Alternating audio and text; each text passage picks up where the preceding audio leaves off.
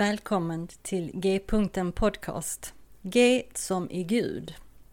Jag heter Monica Albin och detta är en podcast för oss som är på en resa i tro och liv, i andlighet och allt som har med Gud att göra. Vad nu Gud betyder för oss. En öppen atmosfär där inga frågor och funderingar är dumma och där vi tillsammans ska få vidga vyerna. G-punkten betyder att Gud är mittpunkten, i centrum av samtalen och genomsyrar allt och alla.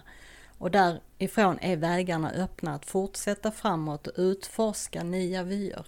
Samtala de stora frågorna på ett vardagligt sätt hoppas jag att podcasten ska kunna erbjuda.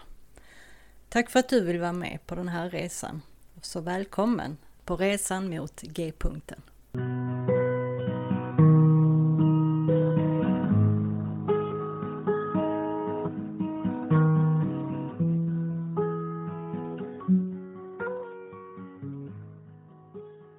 Hej och välkommen tillbaka till G-punkten Podcast. Det här är säsongens sista avsnitt.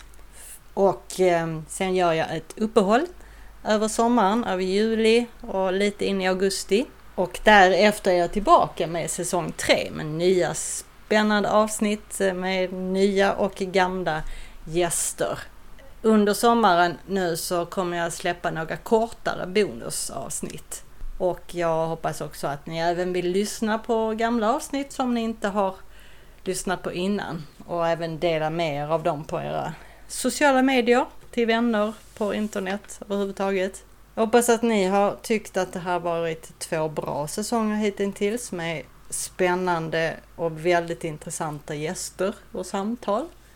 Och jag hoppas att jag ska kunna fortsätta att bidra med det. Nästa säsong kommer jag som det ser ut nu att släppa avsnitt varannan vecka istället för varje vecka. Idag så är det ju söndagen efter midsommar.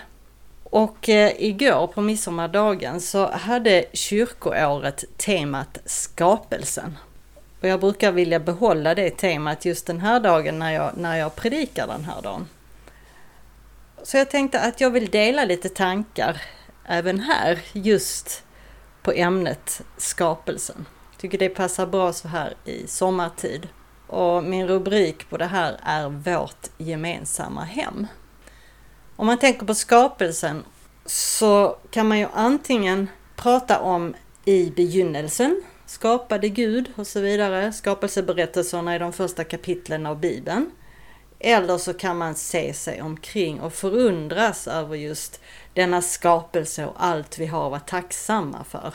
Och det gör många av eh, författarna till saltarsalmerna i Bibeln. Bland annat psalm 104 är eh, liksom ännu en skapelseberättelse i psalmpoetisk form. Eller så kan man ju kombinera de här två, för de hör ju ihop. Så vi gör väl det. I den judisk kristna berättelsen i första Mosebok så är det Gud som är skapare i vers 1, ande i vers 2 och ord i vers 3. Vilket i sig själv är en försmak av det som vi senare kommer att kalla treenigheten. Gud skapar ur ett överflöd av kärlek, glädje och kreativitet. Den berättar att vi människor skapades till Guds avbild och likhet. Ut av skapande kärlek. Fokus är alltså en ursprunglig välsignelse. Inte en ursprunglig synd, vilket kommer senare i kapitel 3, det vi också kallar arvssynd. Nej, ursprunget är välsignelse och hopp. Och denna vår skapelseberättelse berättas som ett vackert, stort diktverk och ska alltså inte läsas bokstavligt, historiskt, utan på det poetiska, konstnärliga, symboliska och mytiska språk som det är. Det språk som kan väcka djupen i oss som är gömda under det praktiska och självcentrerade egot. Poesin det brukar ju tala till det undermedvetna och till vårt gemensamma undermedvetna. Sådär som berättelser och myter ofta gör. Och bara för att det inte är sant rent bokstavligt, historiskt, så betyder det ju inte att det är mindre sant. Men precis som alla konstarter så visar det vägen till en djupare nivå av sanning. som inte kan förklaras av det logiska. Alltså det är ju också en anledning till att jag protesterar när någon säger att den kristna tron är logisk. Eh, inte enligt mig i alla fall. Thomas Berry skriver så här. Själva universum kan förstås som den ursprungliga uppenbarelsen av det gudomliga. Guds inkarnation, förkroppsligande alltså, skedde inte bara i Betlehem för 2000 år sedan. Det började för cirka 14 miljarder år sedan med det ögonblick som vi nu kallar the Big Bang. Vid vårt universums födelse materialiserade sig och uppenbarade sig Gud. Den helige Thomas av Aquino som levde 1225 till 1247 sa att denna skapelsens enorma mångfald och flertalighet representerar Gud mer perfekt än någon varelse kan göra i sig själv. Och den helige Franciscus, som också levde på 1200-talet, han kallade skapelsen för den första bibeln. Så då kan vi alltså se oss omkring och förnimma att Gud har lagt ner sig själv, sitt avtryck i allt som och alla som är. Tänk vilken gåva vi har fått. Och vilket underverk vi lever i. Och ändå är vi inte så duktiga på att förvalta den. I Johannes evangeliet i Bibeln, i Nya Testamentet, Johannes 2, så kan vi läsa om när Jesus gick till templet och körde ut de som drev handel där. Så här står det i vers 15 till 17. Han slog ut växlarnas pengar och välte omkull deras bord. Och till de som sålde duvor sa han, bort med allt det här. Gör inte min faders hus till en saluhall. Och hans lärjungar kom ihåg att det står skrivet, lidelsen för ditt hus ska förtära mig. Idag så tror jag vi behöver förstå detta hus som vår planet.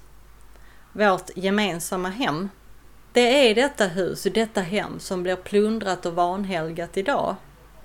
Och vad som är märkbart viktigt är att vårt gemensamma hem också är Guds eget hus. Genomsyrat av Guds ande från skapelsens gryning, där Guds son sen tog sin boning genom den inkarnationen. Det är i detta, vårt gemensamma hem, som Gud bor tillsammans med oss, med mänskligheten och som vi blivit anförtrodda att förvalta. Och dagens ekologiska kris uppenbarar ju vår oförmåga att uppfatta denna fysiska värld som genomsyrad, genomdränkt med gudomlig närvaro. Vi har bytt ut den vackra bilden av världen som Guds eget hem, heliggjord genom inkarnationen, mot det moderna endimensionella mekaniska sättet att se på världen. Därför har vår planet också blivit reducerad till endast ett lager av resurser för mänsklig konsumtion, fastigheter för marknadsspekulation och så vidare. Och genom förorening av planetens land och luft och vatten så har vi förstört vårt gemensamma hem som också är Guds eget hem. Vi har som Jesus sa i templet förvandlat denna heliga bostad till en marknadsplats. Och i en tid som den här, när miljökrisen är ett faktum och vår värld lider allvarlig nöd, så behöver vi återigen bli upptända av lidelse, av iver för vårt gemensamma hem. Och kan vi verkligen lära oss att se vår fina planet, vårt hem, som genomsyrat av Gud, så kanske vi kan väcka denna iver.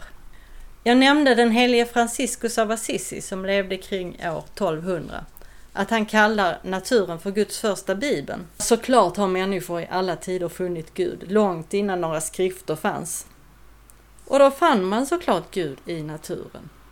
Franciscus kunde se Guds skönhet och närvaro i alla ting och varelser och kunde därför också uppleva Gud i och genom alla ting. Han kallade både djur och natur för broder och syster. Broder sol, syster måne, broder vind, syster vatten, broder räv, syster moder jord och så vidare. Och det gör man inte om man inte har fått uppleva Gud i naturen, i allt. Många av oss kan vittna om naturens helande kraft.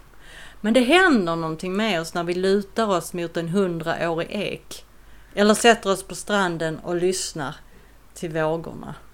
Detta har människor vetat i alla tider, men nu har även vetenskapen kommit ikapp och bevisat det. I till exempel Japan är det väldigt vanligt med skogsbad och det görs här också nu. Att man alltså tillbringar en längre stund i skogen. Liggande eller sittande lutad mot ett träd och bara lyssnar på naturens ljud och andas lugnt. Det är läkande.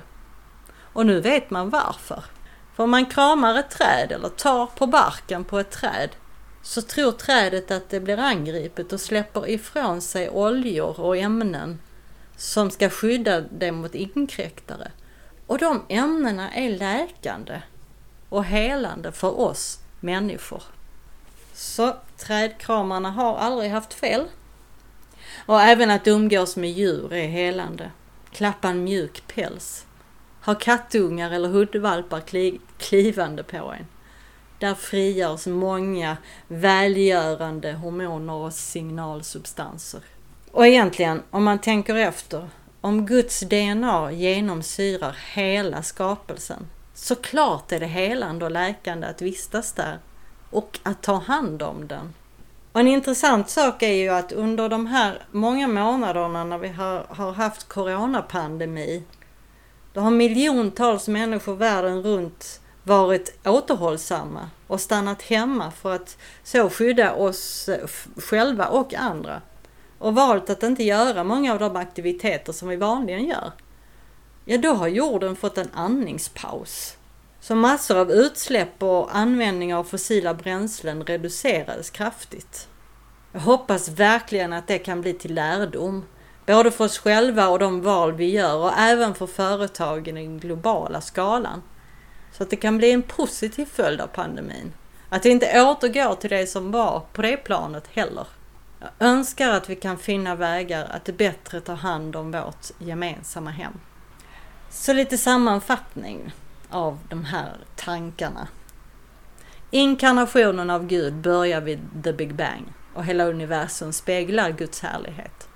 Vi som människor, vi menade att vara universums hjärta och omfamna världen. Att vara villkorslös kärlek, kreativitet, enhet, givande, medkänsla och på så vis reflektera universum och spegla Gud och så bli helt mänskliga. Så det du får med dig här i sommar det är att se på naturen och allting runt omkring dig som genomsyrat av Gud. Och om du ser sånt som förstör och tar sönder, vilken del av skapelsen det än må vara, så gör vad du kan för att rätta till det och reflektera Gud själv. Och reflektera Gud själv. Och njut, njut av djur och natur och ta många helande skogsbad. Jag vill avsluta det här med en bön. Gud, du som föder liv i universum. Vi tackar dig för rymdens väldighet, för jordens skönhet, för havens majestät och bergens ro. Låt löftets båge påminna oss om ditt eviga förbund med alla varelser på jorden. I Jesu namn. Amen. Så ha en underbar sommar. Njut och må nåd och frid följa dig alla dagar. Så ses vi igen. Hejdå!